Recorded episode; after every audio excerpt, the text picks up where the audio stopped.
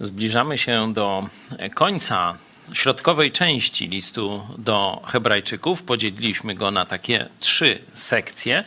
Pierwsze dwie są informacyjne, a ostatnia no, zastosowawcza i do niej, jak Bóg da, przejdziemy następnym razem, a dzisiaj jesteśmy na końcu tych dwóch sekcji informacyjnych. Pierwszą skończyliśmy już jakiś czas temu.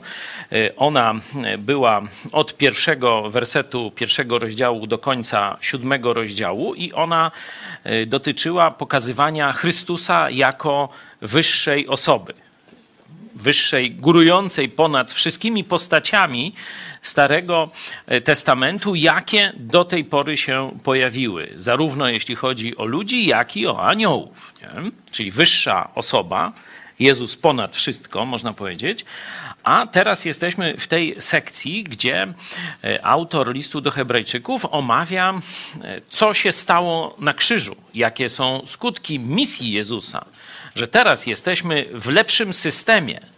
Tamten system zawiódł. Tamten system nie doprowadził nikogo do doskonałości. Dlatego potrzebny był nowy system. Stąd można powiedzieć lepsza ofiara, lepszy system i dzisiaj kończymy właśnie tę sekcję. Jeśli to jest y, no, ostatni akord y, jakiegoś dłuższego e, fragmentu, bo dzisiaj będziemy rozdziały, rozdział 10 od 11 do 18 wersetu, czyli od 8 aż do połowy dziesiątego rozdziału. To jest ta część, która pokazuje, można powiedzieć w pewnym uproszczeniu, wyższość Nowego Testamentu, porządku Nowego Testamentu nad porządkiem Starego Testamentu. Jeśli mamy ostatnią, ostatni akord, to czego się należy spodziewać? Co, co powinniśmy tu e, widzieć, e, jeśli chodzi o treść tego odcinka? Już nie powinno być jakichś nowych treści, ale powinny być powtórzenia, czyli powinniśmy e, zobaczyć powtórzenie jakiejś głównej myśli i powinna być taka końcowa puenta, nie? kończąca temat, że no wszystko możesz zapomnieć z tej lekcji, ale to wbij sobie do głowy. No, zobaczmy, czy tak będzie. Przeczytajmy wersety z 10 rozdziału listu do Hebrajczyków od 11 do 18. A każdy kapłan sprawuje codziennie swoją służbę i składa wiele razy te same ofiary, które nie mogą w ogóle zgładzić grzechów. Lecz gdy on złożył raz na zawsze jedną ofiarę za grzechy, usiadł po prawicy Bożej. Oczekując teraz, teraz aż nieprzyjaciele jego położeni będą jako podnóżek stóp jego. Albowiem jedną ofiarą uczynił na zawsze doskonałymi tych, którzy są uświęceni. Poświadcza nam to również Duch Święty, powiedziawszy bowiem, takie zaś jest przymierze, jakie zawrę z nimi. Po upływie owych dni, mówi Pan, prawa moje włożę w ich serca i na umysłach ich wypiszę je. Dodaje, a grzechów ich i nieprawości nie wspomnę więcej. Gdzie zaś jest ich odpuszczenie, tam nie ma już ofiary za grzech. Jeszcze raz werset 18. Gdzie zaś jest ich odpuszczenie, tam nie ma już ofiary za grzech. To jest ta puenta. To jest ostatni werset tej sekcji wyższości, w uproszczeniu mówię, nowego przymierza nad starym. Czyli wszystko możemy zapomnieć o Melchizedeku, o tym, jak wyglądał system ofiarniczy, jak były te ofiary ze zwierząt, tam, że raz w roku z krwią cudzą wchodził arcykapłan i tak dalej, i tak dalej. To możemy, no ja nie zalecam, nie? Ale jeśli by ten ostatni werset został, to już dobrze. Stąd jeszcze raz go przeczytajmy. Gdzie zaś jest ich odpuszczenie, tam nie ma już ofiary za grzech. Gdzie jest odpuszczenie grzechów, tam już nie ma ofiary za grzech. To jest podsumowanie tej części. Czyli widać, że główną niemocą Starego Testamentu, to zresztą studiowaliśmy w poprzednich fragmentach, było to, że nie mógł sobie poradzić z problemem grzechu. Pamiętacie, co jeszcze tydzień temuśmy rozważali? Możemy się cofnąć. Co robią ofiary Starego Testamentu. Zobaczmy pierwsze, pierwsze no, dwa wersety z tego dziesiątego rozdziału. Czego nie mogą zrobić, a co robią. Albowiem zakon, zawierając w sobie tylko cień przyszłych dóbr, a nie sam obraz rzeczy, nie może w żadnym razie przez te same ofiary, nieprzerwanie składane rok w rok, przywieść do doskonałości tych, którzy z nimi przychodzą. Bo czyż nie zaprzestano by ich składać, gdyby ci, co je składają, nie mieli już żadnej świadomości grzechów, gdy raz zostali oczyszczeni. I trzeci. Przeciwnie, one właśnie przywodzą na pamięć grzechy co roku. Zobaczcie, stary system nie dość, że nie mógł poradzić sobie z grzechami, z tym, żeby nas przywieźć do doskonałości przed Bogiem, to co nam robił? Cały czas przypominał, że jesteśmy grzeszni. Tu analogie do Kościoła rzymskokatolickiego i jego praktyk są oczywiste. Taką przygotowaliśmy też składankę porównania Jezusa Biblii Jezusa katolickiego na podstawie listu do Hebrajczyków. No to, to widać, że to są całkowicie różne osoby. Tu mamy to znowu podsumowanie tym jednym wersetem. Gdzie jest przebaczenie grzechów, tam już nie ma ofiary za grzechy. A więc każdy system, który zawiera w jakiejkolwiek formie ofiarę za grzechy, nie ma nic wspólnego z Jezusem Chrystusem. Nie może być systemem chrześcijańskim. To jest po prostu jakieś pogaństwo, jakiś wymysł ludzki, to jest jakaś obca chrześcijaństwu religia. Jeszcze raz powtarzam. Gdzie jest jakakolwiek ofiara za grzech, składana, sprawowana, codziennie, raz w roku, raz na pół roku, raz na miesiąc, to nie ma nic wspólnego z chrześcijaństwem. To może się nazywać chrześcijaństwem, ale to tak naprawdę w rzeczywistości jest zaprzeczeniem chrześcijaństwa. Jeszcze raz. Gdzie jest przebaczenie grzechów, tam nie ma ofiary za grzech. W chrześcijaństwie już nie ma, nie sprawuje się żadnej ofiary za grzech. Dlaczego? Bo Jezus raz na zawsze złożył jedną doskonałą ofiarę, skuteczną na całą historię, czyli skuteczną także dla ciebie. Jeszcze dziś możesz zawołać do Jezusa: Jezu, zbaw mnie, dlatego że On zapłacił w sposób doskonały karę za wszystkie Twoje grzechy. Będziemy do tego jeszcze wracać. Podzielimy sobie ten fragment na trzy części. 11, 14 werset. Skończone dzieło albo wykonana praca, wykonane zadanie. Mission complete, tak się w grach e, no, kończy, jeśli odniesie się sukces jakiegoś zadania.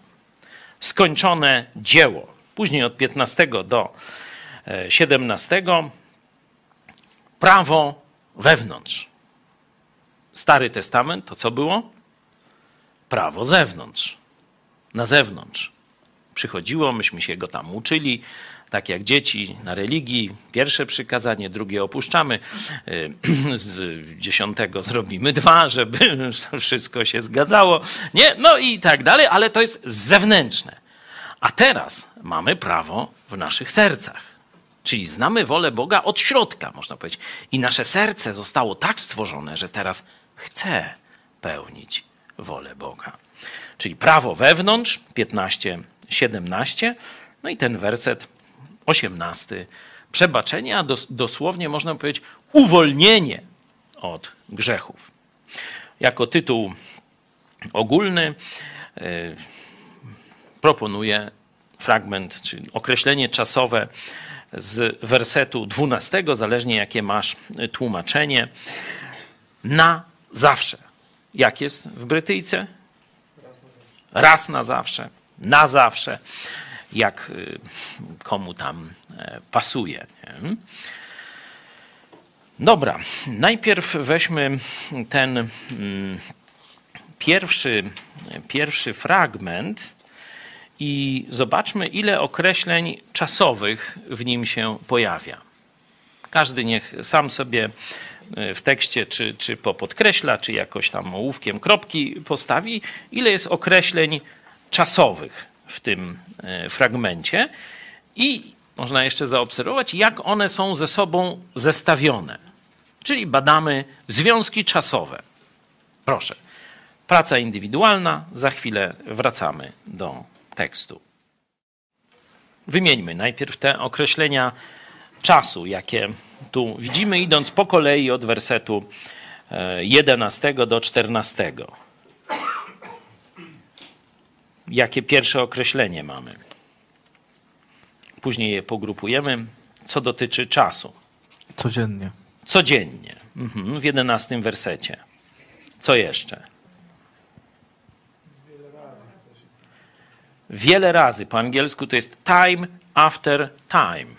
Czyli raz za razem, ciągle, powtarzanie. Nie? To rzeczywiście, to oczywiście dotyczy starotestamentowego systemu ofiarniczego.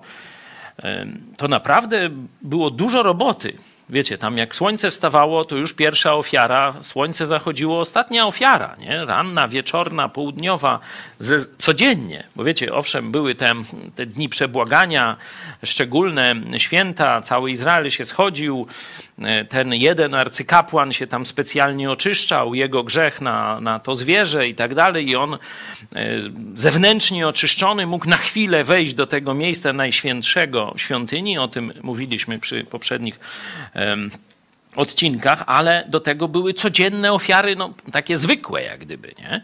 Także to naprawdę tam cały czas albo zażynano jakieś zwierzę na ofiarę, albo składano tam y, z pokarmów, z mąki, z tego, śmego. No cały czas była taka robota ofiarnicza, czyli mamy codziennie i mamy raz za razem, tak ciągle, tak jak w kieracie, to taką, y, to jest wyrażenie monotonii takiej, nie? Takiej takiej jak ten y, w innych mitach y, tam y, mamy, nie, ten syzyf tam, nie, już tak, już niby, już, już może już złożymy teraz tę ofiarę i pójdzie no już z górki, nie, no już będzie skończona robota. Nie, zrobiliśmy ten dzień przebłagania, następny dzień od rana znowu ofiary i znowu ten cykl roczny i tak dalej, i tak dalej, i tak dalej, nie. Także taki obraz to są Żydzi, którzy w tym uczestniczą, bo to jest list do Żydów, to nie jest list do Pogan, którzy nie wiedzą nic o objawieniu Starego Testamentu. To jest do Żydów, oni się w tym wychowali. I oni wiedzą, co to znaczy. Codziennie i ciągle, raz za razem. Nie? Co jeszcze? Jakie kolejne określenie czasu się tu pojawia?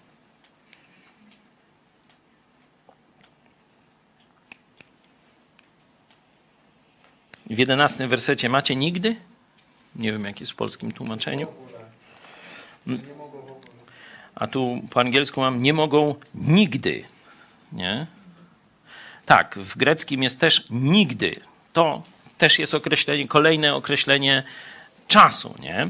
Czyli mamy codziennie, raz za razem, ciągle i nigdy. Czyli zobaczcie, choć tego jest tak wiele, tych ofiar jest tak wiele, nie? Tu msze katolickie to są właśnie ofiary za grzechy. Zobaczcie, ile tego jest. Są nawet takie specjalne y, zakony, które się zajmują y, za pieniądze oczywiście, ale oni tam cały czas, takie tam jakieś msze wieczyste czy coś, nie wiem, ktoś zamawiał niedawno, y, coś wie o tych mszach wieczystych, no to to jest takie wyłudzanie, szczególnie od wdów czy, czy wdowców pieniędzy, nie, że takie msze wieczyste za duszę tam, nie.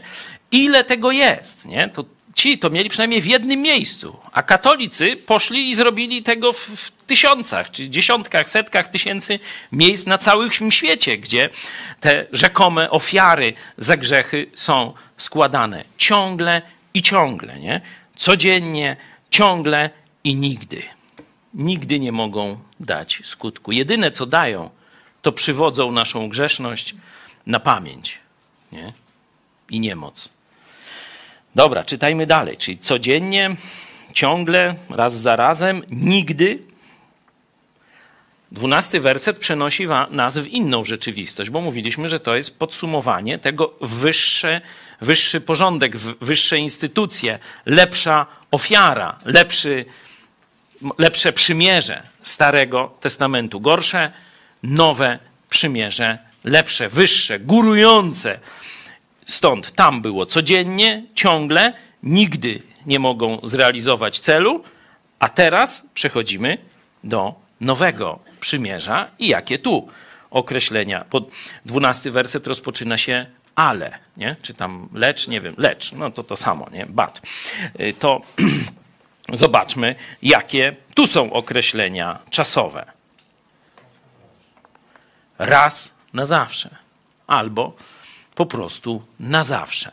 No ale w tym właśnie kontekście, bo tak to jest tu opisane. Złożył jedną ofiarę za grzechy na zawsze. Czyli zobaczcie kontrast. Codziennie, raz za razem, nigdy nie mogą zrealizować celu oczyszczenia z grzechów. Ten złożył raz i ta ofiara jest na zawsze.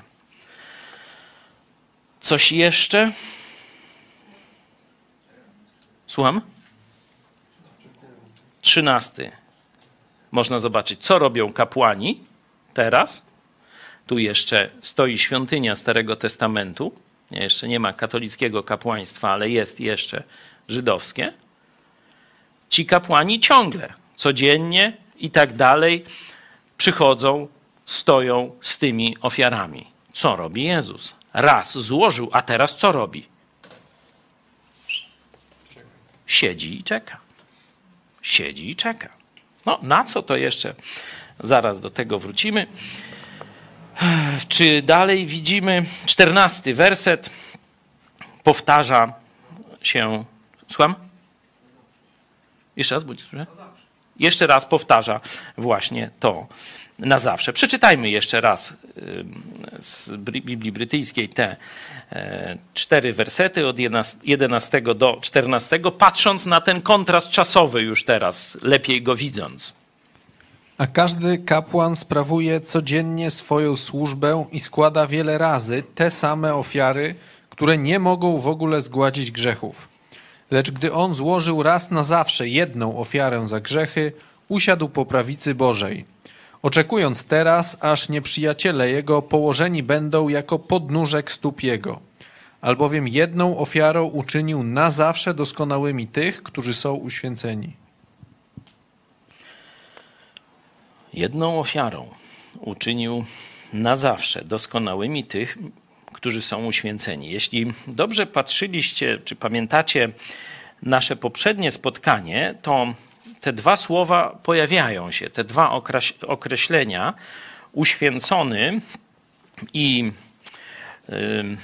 uczynić doskonałymi, tam jest to telos, czyli tymi, którzy zrealizowali cel, pojawiają się w poprzednim fragmencie. Nie? Możemy sobie otworzyć i rzucić okiem na to, poszukać tych wyrażeń. Tak, mamy w pierwszym, proszę przeczytaj. Albowiem zakon zawierając sobie tylko cień przyszłych dóbr, a nie sam obraz rzeczy, nie może w żadnym razie przez te same ofiary, nieprzerwanie składane rok w rok, przywieźć do doskonałości tych, którzy z nim przychodzą. Przywieźć do doskonałości, czyli przywieźć do zrealizowania, doprowadzić do zrealizowania Bożego celu, nie? bo tak rozumiemy doskonałość, czyli pojawia się to w pierwszym wersecie i pojawia się później w ostatnim. Zobaczmy, ta świętość. Mocą tej woli, zobaczmy dziesiąty werset. Mocą tej woli jesteśmy uświęceni przez ofiarowanie ciała Jezusa Chrystusa raz na zawsze.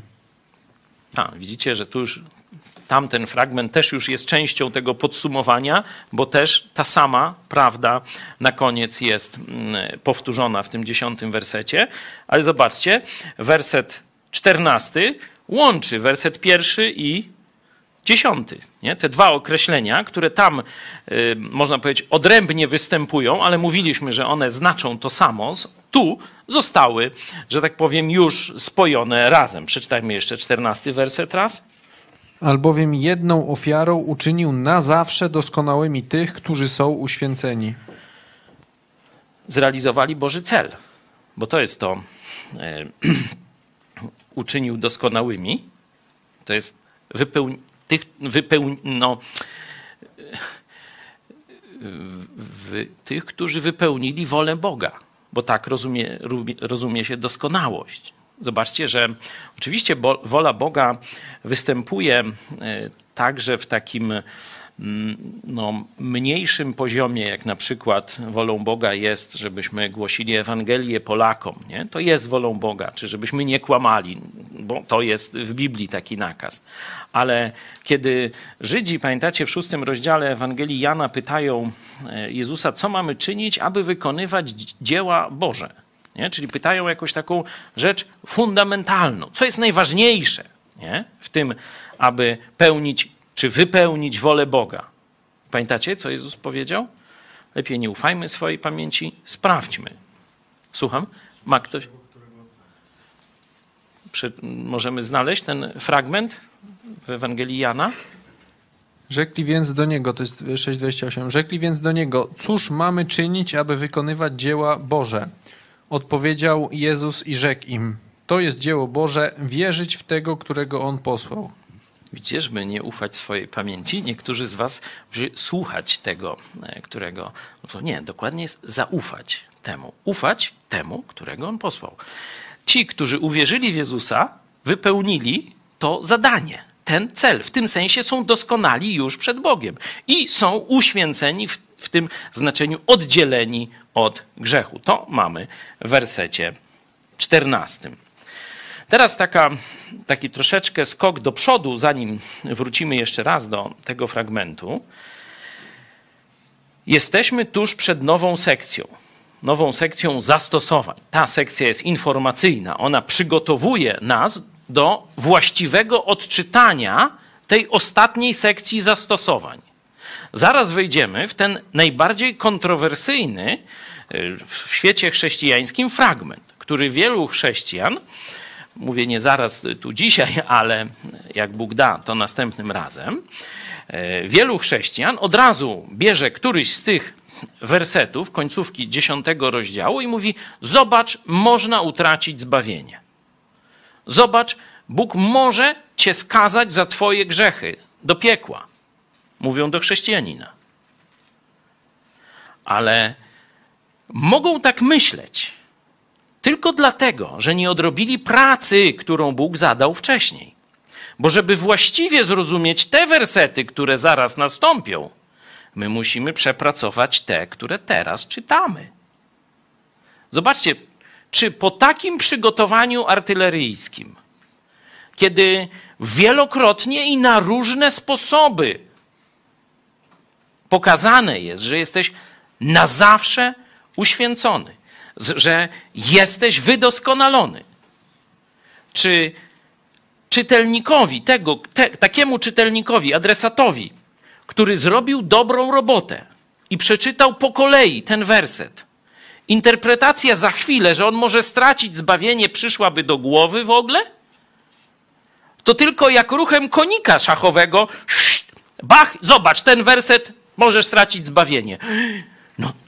No, tak, płomień, ogień, ojej, przeciwnik. To o mnie? O, tak mówisz? Nauczycielu drogi? O, to ja teraz będę cię codziennie lizał, y, przepraszam, całował po ręce, żeby tylko czasem do tego piekła nie trafić. No tak oszuści robią.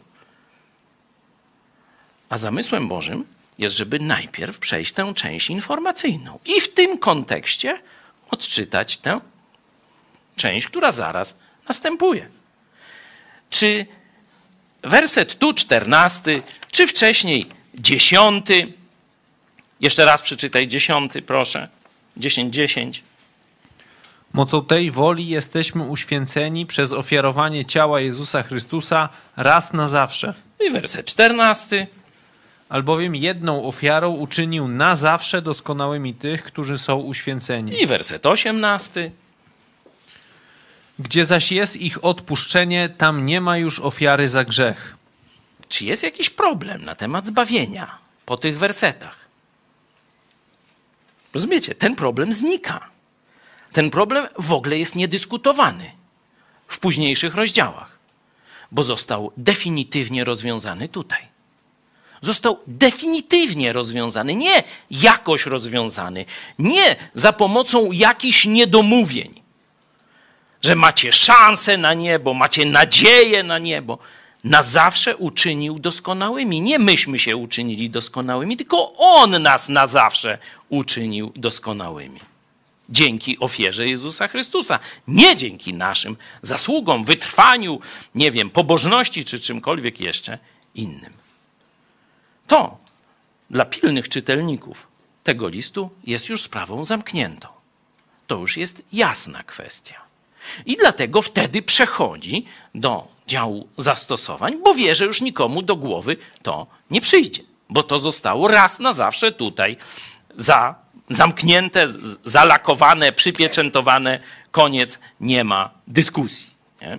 Wróćmy jeszcze raz do tych naszych, bo wyszliśmy troszkę do przodu, ale żebyście pamiętali, po to jest to tutaj powiedziane, tak mocno, tak jednoznacznie, tak na zakończenie też, żeby później głupoty ludziom nie przychodziły do głowy. Dlatego czytanie samych tych wersetów z końcówki dziesiątego rozdziału jest wyrywaniem kompletnie wersetów z kontekstu i to jest, że tak powiem, sam sobie człowiek szkodzi i głupoty później z tego przeróżne wygaduje. My wracamy do naszego tekstu, bo tu jeszcze parę ciekawych rzeczy myślę warto podkreślić. Zobaczcie, jeszcze raz zobaczmy, co Jezus robi, bo już wiele rzeczy na temat tego, co Jezus robi z różnych miejsc pismaśmy wyciągali, na przykład, że się troszczy o nas, że chodzi między kościołami, że e, kocha nas, nie ukochał, tylko kocha e, teraz, że wstawia się za nami, że chce nam w każdej chwili nieść pomoc, zbliżcie się tylko z ufnością i odwagą do tronu łaski, to już wszystko studiowaliśmy, a teraz jest kolejne zajęcie Jezusa, a raczej oczekiwanie, na co Jezus czeka. Aż. No, przeczytajmy to, niech zabrzmi głośno. Oczekując teraz, aż nieprzyjaciele jego położeni będą jako podnóżek stóp jego. No, to jest oczywiście fragment e, psalmu, też Jezus ma się po nich przejść. Nie? Ma, no, jak Jezus na kogoś stanie, a Jezus już nie jest tym bobaskiem. Jak Jezus na niego stanie, to zobaczmy, co się z nim stanie. A żeby to zobaczyć, musimy do ostatniej księgi Biblii się przenieść, czyli do księgi Apokalipsy. Dwa razy pojawia się to, co się stanie z tymi, na których Jezus stanie, czyli z wrogami Jezusa. Proszę bardzo. 14, 14 i y, potem jeszcze z 19 rozdziału jest nawiązanie do tej samej wizji. I widziałem, a oto biały obłok, a na obłoku siedział ktoś podobny do syna człowieczego, mający na głowie swojej złotą koronę, a w ręku swym ostry sierp. Dalej, dalej, czytaj. A inny anioł wyszedł ze świątyni, wołając donośnym głosem na tego, który siedział na obłoku. Zapuść sierp swój i żnij, gdyż nastała pora żniwa i dojrzało żniwo ziemi. I zapuścił ten, który siedział na obłoku, sierp swój na ziemi i ziemia została zrzęta. I wyszedł inny anioł ze świątyni, która jest w niebie, mając również ostry sierp – i jeszcze inny anioł wyszedł z ołtarza, a ten miał władzę nad ogniem i zawołał donośnie na tego, który miał ostry sierp, mówiąc: Zapuść swój ostry sierp i obetnij kiście winogron z winorośli ziemi, gdyż dojrzały jej grona. I zapuścił anioł sierp swój na ziemi i poobcinał grona winne na ziemi i wrzucił je do wielkiej tłoczni gniewu Bożego i deptano tłocznię poza miastem i popłynęła z tłoczni krew, aż dosięgła wędzideł końskich na przestrzeni 1600 stadiów. I 19:11 tu jest powrót do tej wizji. I widziałem niebo otwarte, a oto biały koń. A ten, który na nim siedział, nazywa się wierny i prawdziwy, gdyż sprawiedliwie sądzi i sprawiedliwie walczy. Oczy zaś jego jak płomień ognia, a na głowie jego liczne diademy. Imię swoje miał wypisane, lecz nie znał go nikt, tylko on sam. A przyodziany był w szatę zmoczoną we krwi, imię zaś jego brzmi Słowo Boże.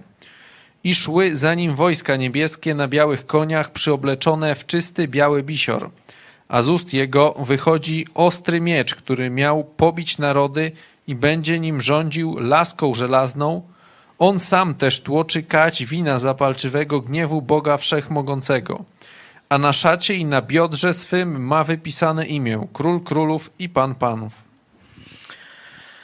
Sprawa jest raz na zawsze załatwiona. On teraz czeka. A czeka, postawi swą nogę na grzbiecie tych, którzy są jego wrogami. I ten opis znajdujemy już w ostatniej księdze. Kiedy świat dojrzeje do gniewu, tu jest to właśnie taki mm, ten, można powiedzieć, obraz, gdzie czas skończenia z wrogami Boga na ziemi, czyli świat w swoim gniewie i bezbożności dojrzał do żniwa i jest pokazana tłocznia. To jest mm, no, taki, jeśli chodzi o winorośl, dość przyjemny tam czas, nie? Tam się ludzie cieszą nawet. To u nas jest kiszenie kapusty podobne, nie? Że tam się porządnie nogi myje i wskakują i e, udeptują e, tą kiszoną kapustę. E, a w krajach bardziej tam śródziemnomorskich, no kapusty tam mniej kiszą, ale te podobna zabawa jest. Są wielkie takie kadzie, że kilka osób tam może wejść, wrzuca się winogrona, myje się nogi i Dlatego on się tu odwołuje, autor, do tego, co oni widzą co roku. Nie? Bo to ludzie wychowani na wsi co roku gdzieś albo ktoś tam se deptał, albo to widział y, i tam, tam imprezy są, jeszcze wino niedojrzałe, no ale impreza zawsze może być. Nie? Także czekają na wino. Nie?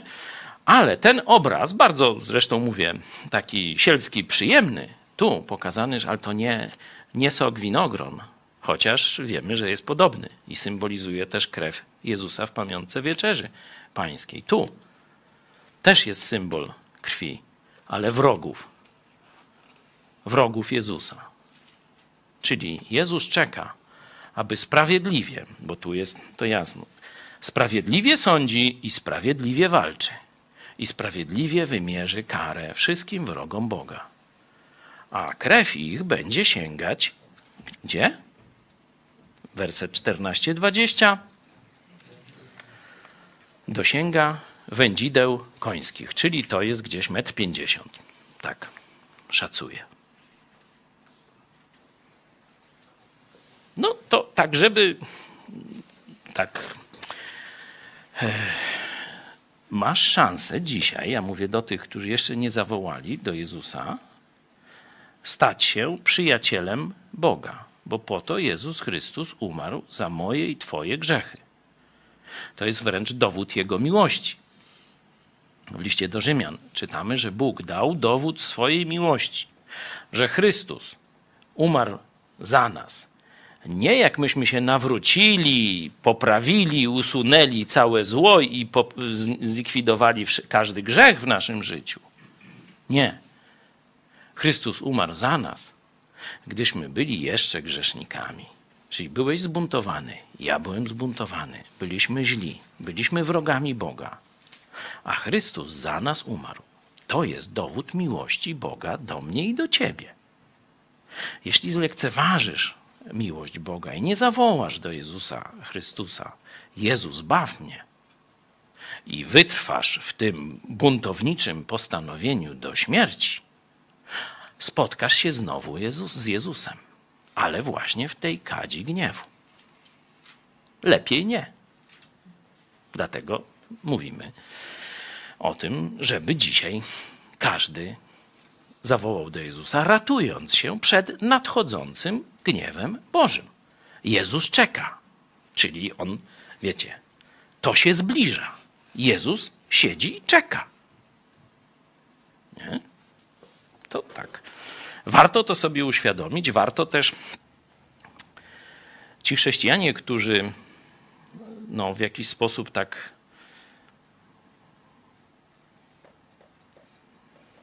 jak to nazwać dobrze, zgłupieli, ale to się mogą obrazić, czegoś ich delikatnie potraktować. Jest wielu chrześcijan, którzy znają Ewangelię, znają orzeczenie Boże, ale ze względu na wygodę lub inne korzyści nie mówią ludziom prawdy. Bo na przykład, jak ja mu powiem, że słuchaj, idziesz do piekła, jesteś bogobojnym katolikiem może, nie? chodzisz na mszę o 6.30 czy o 7.00, ale to cię nie zbawi. Bo to jest właśnie to, co Bóg pokazuje w tym starym systemie, który nie zadziałał, który nie dał zbawienia, nie dał przebaczenia grzechów. Codziennie, mozolnie, ciągle na nowo i nigdy to nie może dać przebaczenia grzechów. Jeśli nie masz odwagi, by powiedzieć mu prawdę, że idzie do piekła, to nie kochasz nie tylko tego człowieka, ale nie kochasz Jezusa, który cię zbawił i polecił ci służbę pojednania. Właśnie polecił tobie i mnie, byśmy tym, których postawi na naszej drodze, mówili, jaki jest koniec tych, którzy nie zawołają do Jezusa jaką ofertę Jezus dał każdemu człowiekowi. To jest nasze zadanie, dlatego tak no, yy, jakimś skandalem są tak zwani ekumeniczni chrześcijanie, bo oni znają Ewangelię. Zapewne wielu z nich e, uwierzyło kiedyś Jezusowi Chrystusowi i są zbawieni. Ale tak jak część tych autor, e, adresatów listu do Hebrajczyków, możecie w poprzednich rozdziałach sobie zobaczyć, zgnuśnieli w swoim myśleniu, zobojętnieli na Boże prawdy i na Bożą rzeczywistość. I dlatego zaczęli iść na kompromis. Zaczęli myśleć, no co się będziemy katolikom narażać? Od sekt będą nas wyzywać. A jak pójdziemy raz w roku na mszę, korona nam z głowy nie spadnie, a spokój mamy na cały rok. A jeszcze może jakieś granty dostaniemy, fanty, jakąś dotacyjkę, może do Rzymu zaproszą, albo i do telewizji publicznej. No tak sobie ci niestety nasi bracia kombinują. To jest no, coś, co absolutnie zaprzecza trwaniu we wspólnocie z Jezusem. Bo zobaczcie, na co Jezus czeka. Gniew Boży się zbliża. No to bierz się do ratowania tych, którzy są jeszcze pod gniewem Bożym, którzy z powodu grzechów tkwią w ciemności i grozi im wieczne potępienie. To jest Twoje i moje zadanie. Wróćmy do naszego tekstu. Zobaczmy, że o ile w pierwszym tym fragmencie 11-14 ta e, mission complete, nie? że już na zawsze, jeszcze raz 14 werset poproszę. Czekaj jeszcze chwilkę. Albowiem jedną ofiarą uczynił na zawsze doskonałymi tych, którzy są uświęceni. Jedną ofiarą na zawsze uczynił. Koniec. Nie? Mission complete. Tak jak mówiłem, można tak jak w jakiejś grze tu to potraktować. Wchodzimy do wersetu 15, 16 i 17, gdzie jest przypomnienie. Ci z Was, którzy dobrze, dobrą mają pamięć albo notatki, to zobaczą, że ten fragment już się pojawił wcześniej jest przypomnienie, ale zwróćcie uwagę, że pojawia się też inna osoba. Pierwszy, pierwsza część 11-14, centrum jest Jezus Chrystus. To oczywiste, nie? Ale w wersecie 15, w, tym, w tej części 15-17 pojawia się ktoś nowy. Przeczytajmy. Poświadcza nam to również Duch Święty, powiedziawszy bowiem: takie zaś jest przymierze, jakie zawrę z nimi po upływie owych dni, mówi Pan. Prawa moje włożę w ich serca i na umysłach ich wypiszę je. Dodaje, a grzechów ich i nieprawości nie wspomnę więcej. Dzięki. Pojawia się Duch Święty. W ciekawej roli. Co robi tutaj Duch Święty?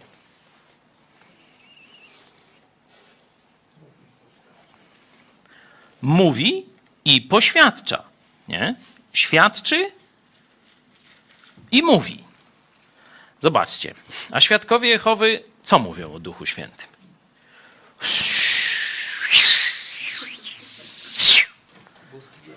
Jak po pustej na przednówku stodole. Głupota hula. Że to boski wiatr. Tak jak ci, no. no. To mniej więcej doktryna świadków Jehowy tak traktuje. Czy słyszeliście, żeby boski wiatr świadczył? Żeby wiatr mówił? No nie. To jest kolejny. Tu oczywiście Duch Święty, jego boskość nie jest głównym tematem, ale widzimy, że on robi to, co robi osoba. I jeszcze do tego. Tu kto jest autorem przynajmniej tych słów? To jest fragment z Jeremiasza 31-33. Możemy przeczytać z księgi Jeremiasza to 31 do 34 w takim szerszym fragmencie możemy. 31, 30, tak, 34, tak. Oto idą dni, mówi Pan, że zawrę z domem izraelskim i domem judzkim nowe przymierze. Nie takie przymierze, jakie zawarłem z ich ojcami w dniu, gdy ich ująłem za rękę, aby ich wyprowadzić z ziemi egipskiej, które to przymierze oni zerwali, chociaż ja byłem ich panem, mówi Pan.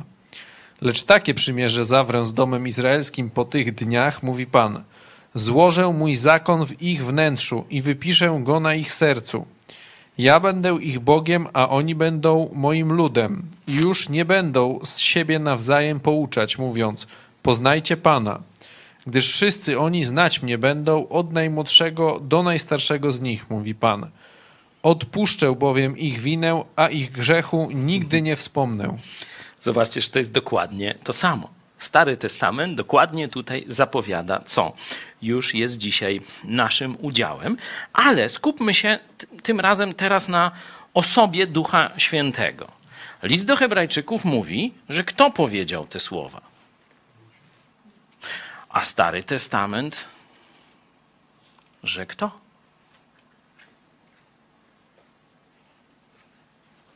Możecie sprawdzić, mm, kto tutaj jest jako Pan e, pokazany w 31 wersecie. Będzie to trudne, ale by się dało. Jeśli ktoś może to sprawdzać, a my sobie będziemy dalej dywagować. Już wiemy, że Duch Święty jest osobą, bo mówi i świadczy. Wiatr to może najwyżej i tyle, może nagwizdać, nie? ale nie może świadczyć i nie może mówić, czyli przekazywać informacji, bo mówić to znaczy przekazywać informacje. Nie? Czyli już wiemy, że jest osobą. Jest porównany do wiatru ale Jezus jest porównany do drzwi, Jezus jest porównany do wody, do chleba, nie? Ale to nie znaczy, że jest wodą, bramą i tak dalej. Nie? Jest porównany, tak samo Duch Święty. Nie?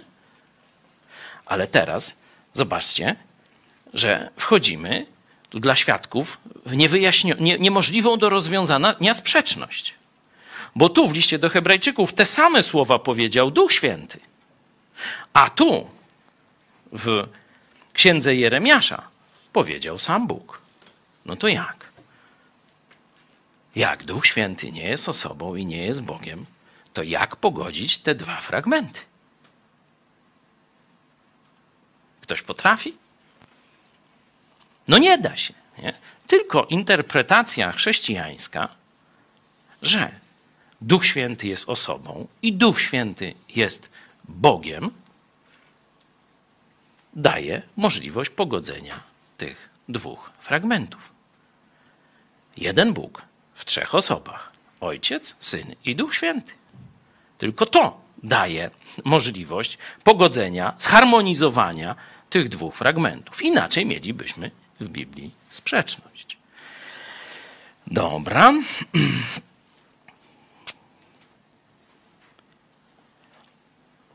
Zapewne tak jak powiedziałem, pamiętacie, że już wcześniej mówiliśmy o tym. Pamiętacie gdzie, w którym rozdziale? Zdaje się w ósmym. Tak, no nie będziemy tego czytali, możecie sobie sprawdzić. Mówiliśmy o tym, czyli widzicie, że to jest coś ważnego, że pierwsza, najważniejsza rzecz w porównaniu tych dwóch systemów, starego i nowego, to jest, że tamten składał ciągle ofiary, które nie mogły zgładzić grzechów i dalej sobie składali jeszcze w czasie pisania tego listu. Nie mogli, nie? W kółko, jak w kieracie, ale to nic nie dawało. A on przyszedł, raz złożył ofiarę i na zawsze ona jest skuteczna. Raz złożył, na zawsze jest skuteczna. To jest najważniejsza myśl, powtórzona na końcu, ale wcześniej jest druga różnica, którą też studiując poprzednie rozdziały podkreślaliśmy. Prawo było ciągle zewnętrzne. Człowiek miał pewne wytyczne i miał je realizować. A teraz mamy prawo w naszych sercach. Mamy odmienione serca. Teraz prawo jest zapisane w naszych sercach. Tu ktoś może, i słusznie jakby tak, no zaraz to jest do Żydów. Nie? Rzeczywiście to jest do Żydów. Ale Pismo Święte mówi, że w Chrystusie nie ma różnicy między Żydem a Grekiem. Czyli to samo prawo jest włożone w serca Polaków czy innych nie Żydów, którzy nawrócili się do Jezusa Chrystusa. No dobra. Ktoś na tym etapie chciałby coś dodać, czy czytamy dalej? Werset 18, czyli mamy mission complete, skończone dzieło, wersety 11, 14, 15, 17, prawo w nas i werset 18, przebaczenie. Przeczytajmy go po raz kolejny. Gdzie zaś jest ich odpuszczenie, tam nie ma już ofiary za grzech. Tu dokładnie przebaczenie znaczy uwolnienie, uwolnienie z więzienia, że z powodu grzechu byliśmy, można powiedzieć, oddzieleni od Boga i trzymani w więzieniu na czas gniewu. Możemy zobaczyć ten opis w liście do Kolosan w drugim rozdziale, bardzo pięknie opisane, co Jezus zrobił właśnie w tym obszarze uwolnienia nas z więzienia. 2.14 Wymazał obciążający nas list dłużny, który się zwracał przeciwko nam ze swoimi wymaganiami i usunął go, przybiwszy go do krzyża. Rozbroił nadziemskie władze i zwierzchności i wystawił je na pokaz, odniósłszy w nim triumf nad nimi. Niechże was wtedy nikt nie sądzi z powodu pokarmu i napoju, mhm. albo z powodu święta lub nowiu księżyca bądź sabatu. Znowu mamy uwolnienie w Chrystusie i kontrast z religią uczynków, z religią rytuałów. Nie? Czyli już tak samo jak tu jest ta budowa informacja, a potem zastosowanie, tu tylko inne, inne zastosowanie. Ten list dłużny to był zestaw przestępstw i kar za nie. My wiemy, że niezależnie jakie przestępstwo popełnimy, czyli jaki grzech popełnimy, jaka jest kara. Ile lat czyśćca? Ostatnio taki jeden z katolickich zwodzicieli, ksiądz Szóstak, sobie wyznaczył, pamiętacie, ile lat czyśćca? On chyba do spółki działa z tym zwodzicielem, tym poważniejszym, Gondeckim chyba, który właśnie na święta, kiedy ludzie śpiewają e, kolendy 4000 lat wyglądany, to on im zafundował, ten katolicki biskup, arcyzwodziciel, i teraz możecie arcy sobie dać albo do biskupa, a lepiej do arcyzwodziciela e, na Polskę, powiedział, że świat ma 4 chyba i pół miliarda lat. I biorąc pod uwagę analogię do roku, to człowiek został stworzony na Sylwestra. Nie? Takie kucypały opowiadał w telewizji, o tym mówiłem już y, kilkakrotnie, ale powtórzę. Zobaczcie, że Szóstak idzie dokładnie w te ślady, bo on twierdzi, że i czyściec to już, już poszedł, że tak powiem, rozmach, to on ma jeszcze większy niż zwodziciel arcy gondecki biskup. Ten tylko 4,5 miliarda, cały świat, a ten w czyśćcu chce siedzieć 8. 8 miliardów. Normalnie tak powiedział. No, no śmiejesz się. No, a, a wiecie, 600 tysięcy followersów. Wow! Ale to jak ksiądz Szóstak 8 miliardów, to ja z 15 pewnie. No to jest religia pogańska.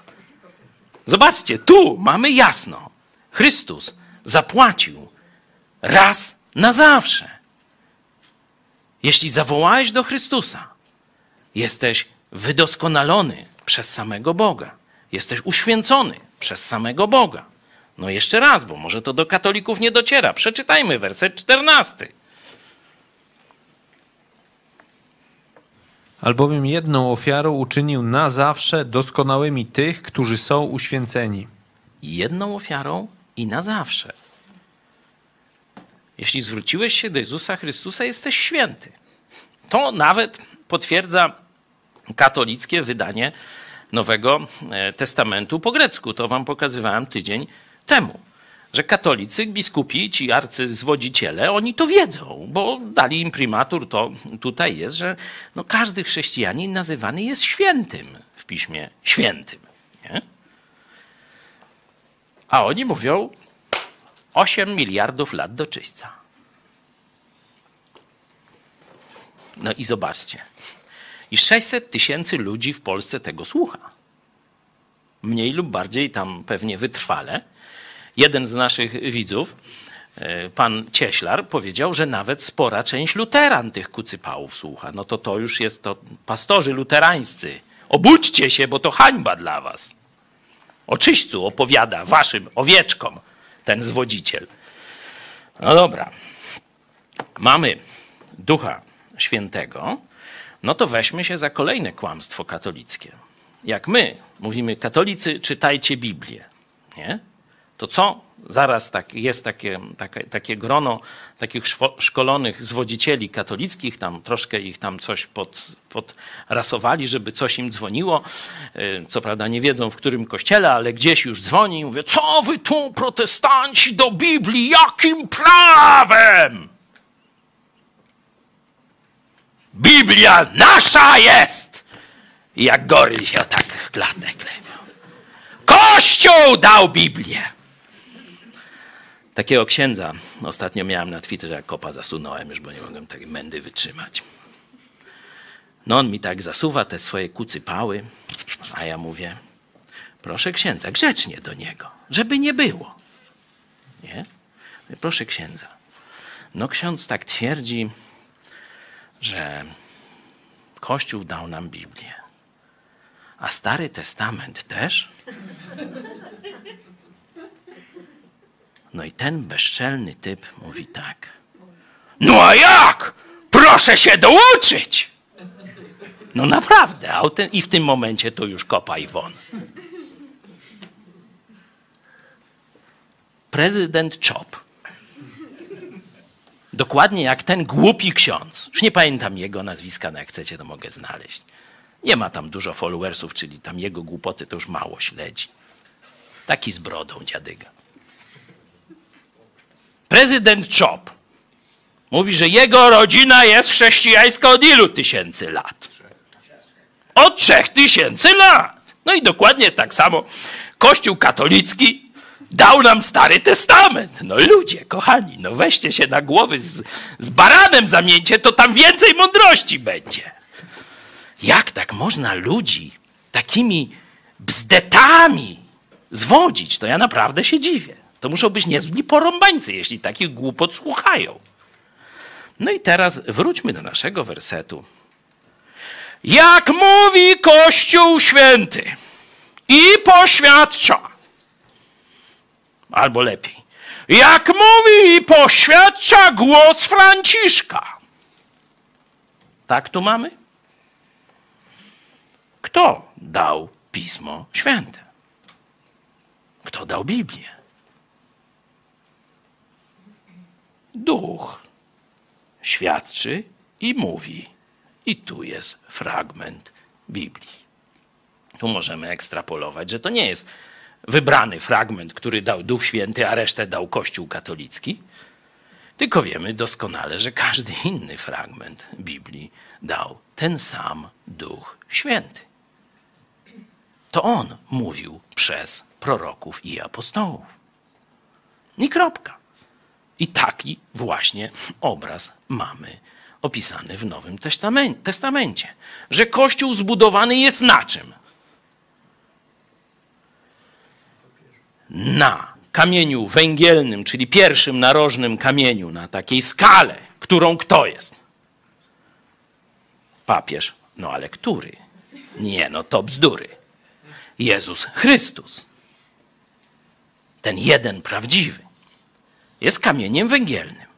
A co jest fundamentem? Ławy się zalewa, stygną, czekamy, a potem się na tym buduje dom.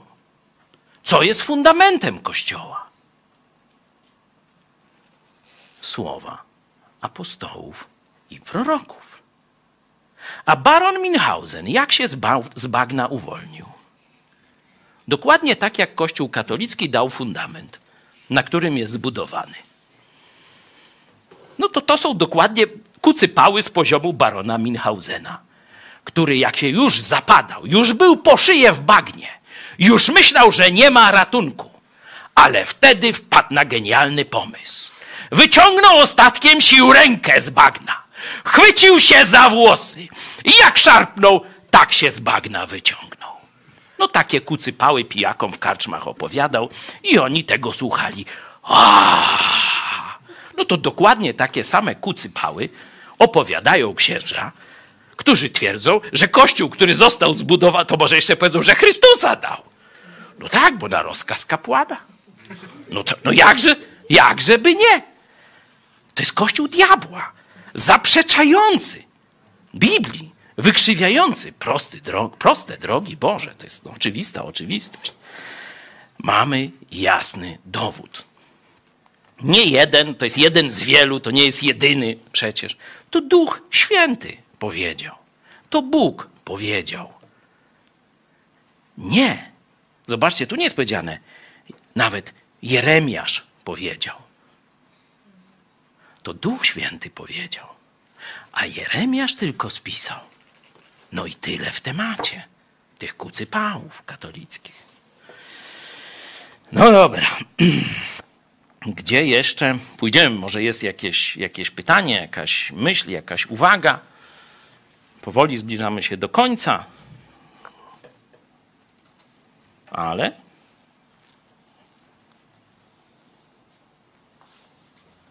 zawsze można przedłużyć. Ale musi być jakiś pretekst, także mamy kogoś na Zoomie, który by chciał zabrać głos? No to zróbmy sobie małe podsumowanie w takich dość, może troszkę mniejszych grupach, takich no najwyżej pięcioosobowych. Jakie wnioski? Przejdziemy do wniosków, jak Bóg da. Za tydzień, dwa i dalej, jakie wnioski daje autor listu do Hebrajczyków. Ale skończyła się ta część informacyjna. Przypomnijmy sobie, jaki miał cel główny autor listu do Hebrajczyków. Pamiętacie? Wstrząsnąć chrześcijanami, którzy pogrążyli się w byle jakość, którym spowszedniało życie chrześcijańskie, które, którzy zapomnieli o cudowności zbawienia w Jezusie Chrystusie, którzy byli tylko kubosiami, puchatkami, którzy już nie zgłębiali dalszych prawd Pisma Świętego i nawet ich nie umieli przyswoić. Nie? Możemy sobie zobaczyć, tam zdaje się piąty rozdział o tym mówi. On chce w nich obudzić znowu zapał dla Jezusa, do Jezusa czy dla Jezusa Chrystusa. Bo zaświadcza, że oni kiedyś mieli wielki zapał, że oni kiedyś znosili prześladowania dla Chrystusa i solidaryzowali się z tymi, którzy prześladowania znosili. A potem skapcanieli. A potem im w głowie ekumenizm. W tym momencie był to ekumenizm, powrót do judaizmu, powrót do świątyni. Dlatego tak bardzo mocno podkreślał różnicę między starym i nowym systemem. Mówi, to nie działa, to po co tam iść? Pamiętacie, tydzień temu mówiliśmy, e, że dziewiąty werset, przeczytajmy 10.9 z Hebrajczyków, jeśli chodzi o Stary Testament, Stare Przymierze. Potem powiada, oto przychodzę, aby wypełnić wolę Twoją. Znosi więc pierwsze, aby ustanowić drugie. Znosi. Tam dosłownie mówiliśmy, zabiera. Zabiera pierwsze i wprowadza drugie. No bo jak jest nowy, to nie ma starego. No po to jest nowy testament. Nie? No i teraz mamy już za sobą te dwadzieścia parę tygodni wspólnego studiowania, bo mniej więcej tyle nam to zajęło. Już nie pamiętam, który, 25 gdzieś może mamy odcinek dzisiaj. Nie? No to teraz zadajmy sobie pytanie, czy mi ten list pomógł? Czy mnie ten list wyrwał z jakiegoś letargu, z jakiejś letniości, z jakiegoś tolerowania grzechu czy dziadostwa w swoim życiu? Jeśli tak, to z czego? I co konkretnie w tym wersecie, w tym rozdziale, przepraszam, w tej części listu do Hebrajczyków mi pomogło? Podzielimy się na grupy, będziemy o tym dalej dyskutować. No, a z Wami, drodzy widzowie, powoli będę się żegnał. Chciałbym, żebyście sobie zadali to pytanie. Jeśli jesteście pierwszy raz i jeszcze nie wiecie o co chodzi, to przede wszystkim chciałem, żebyście zadali sobie pytanie: czy mam przebaczone grzechy? Czy gdybym dziś umarł, to poszedłbym czysty przed Bogiem, prościuśko, nie przez osiem miliardów lat czyśćca, prościutko do samego nieba, w objęcia kochanego, kochającego mnie Ojca. Czy jesteś tego pewien? Jeśli masz jakąkolwiek wątpliwość, jeśli nie wiesz, jak będzie, to zwróć się dzisiaj do Jezusa Chrystusa. Tych z Was, którzy są z nami od dłuższego czasu, zachęcam jeszcze raz. Gdzie ten list pomógł mi wspiąć się wyżej, wyjść albo z powrotem do tego miejsca, które kiedyś już miałem w życiu chrześcijańskim, albo rozwinąć się i zachwycić zbawieniem w Jezusie Chrystusie i tym. To mnie zachwyciło.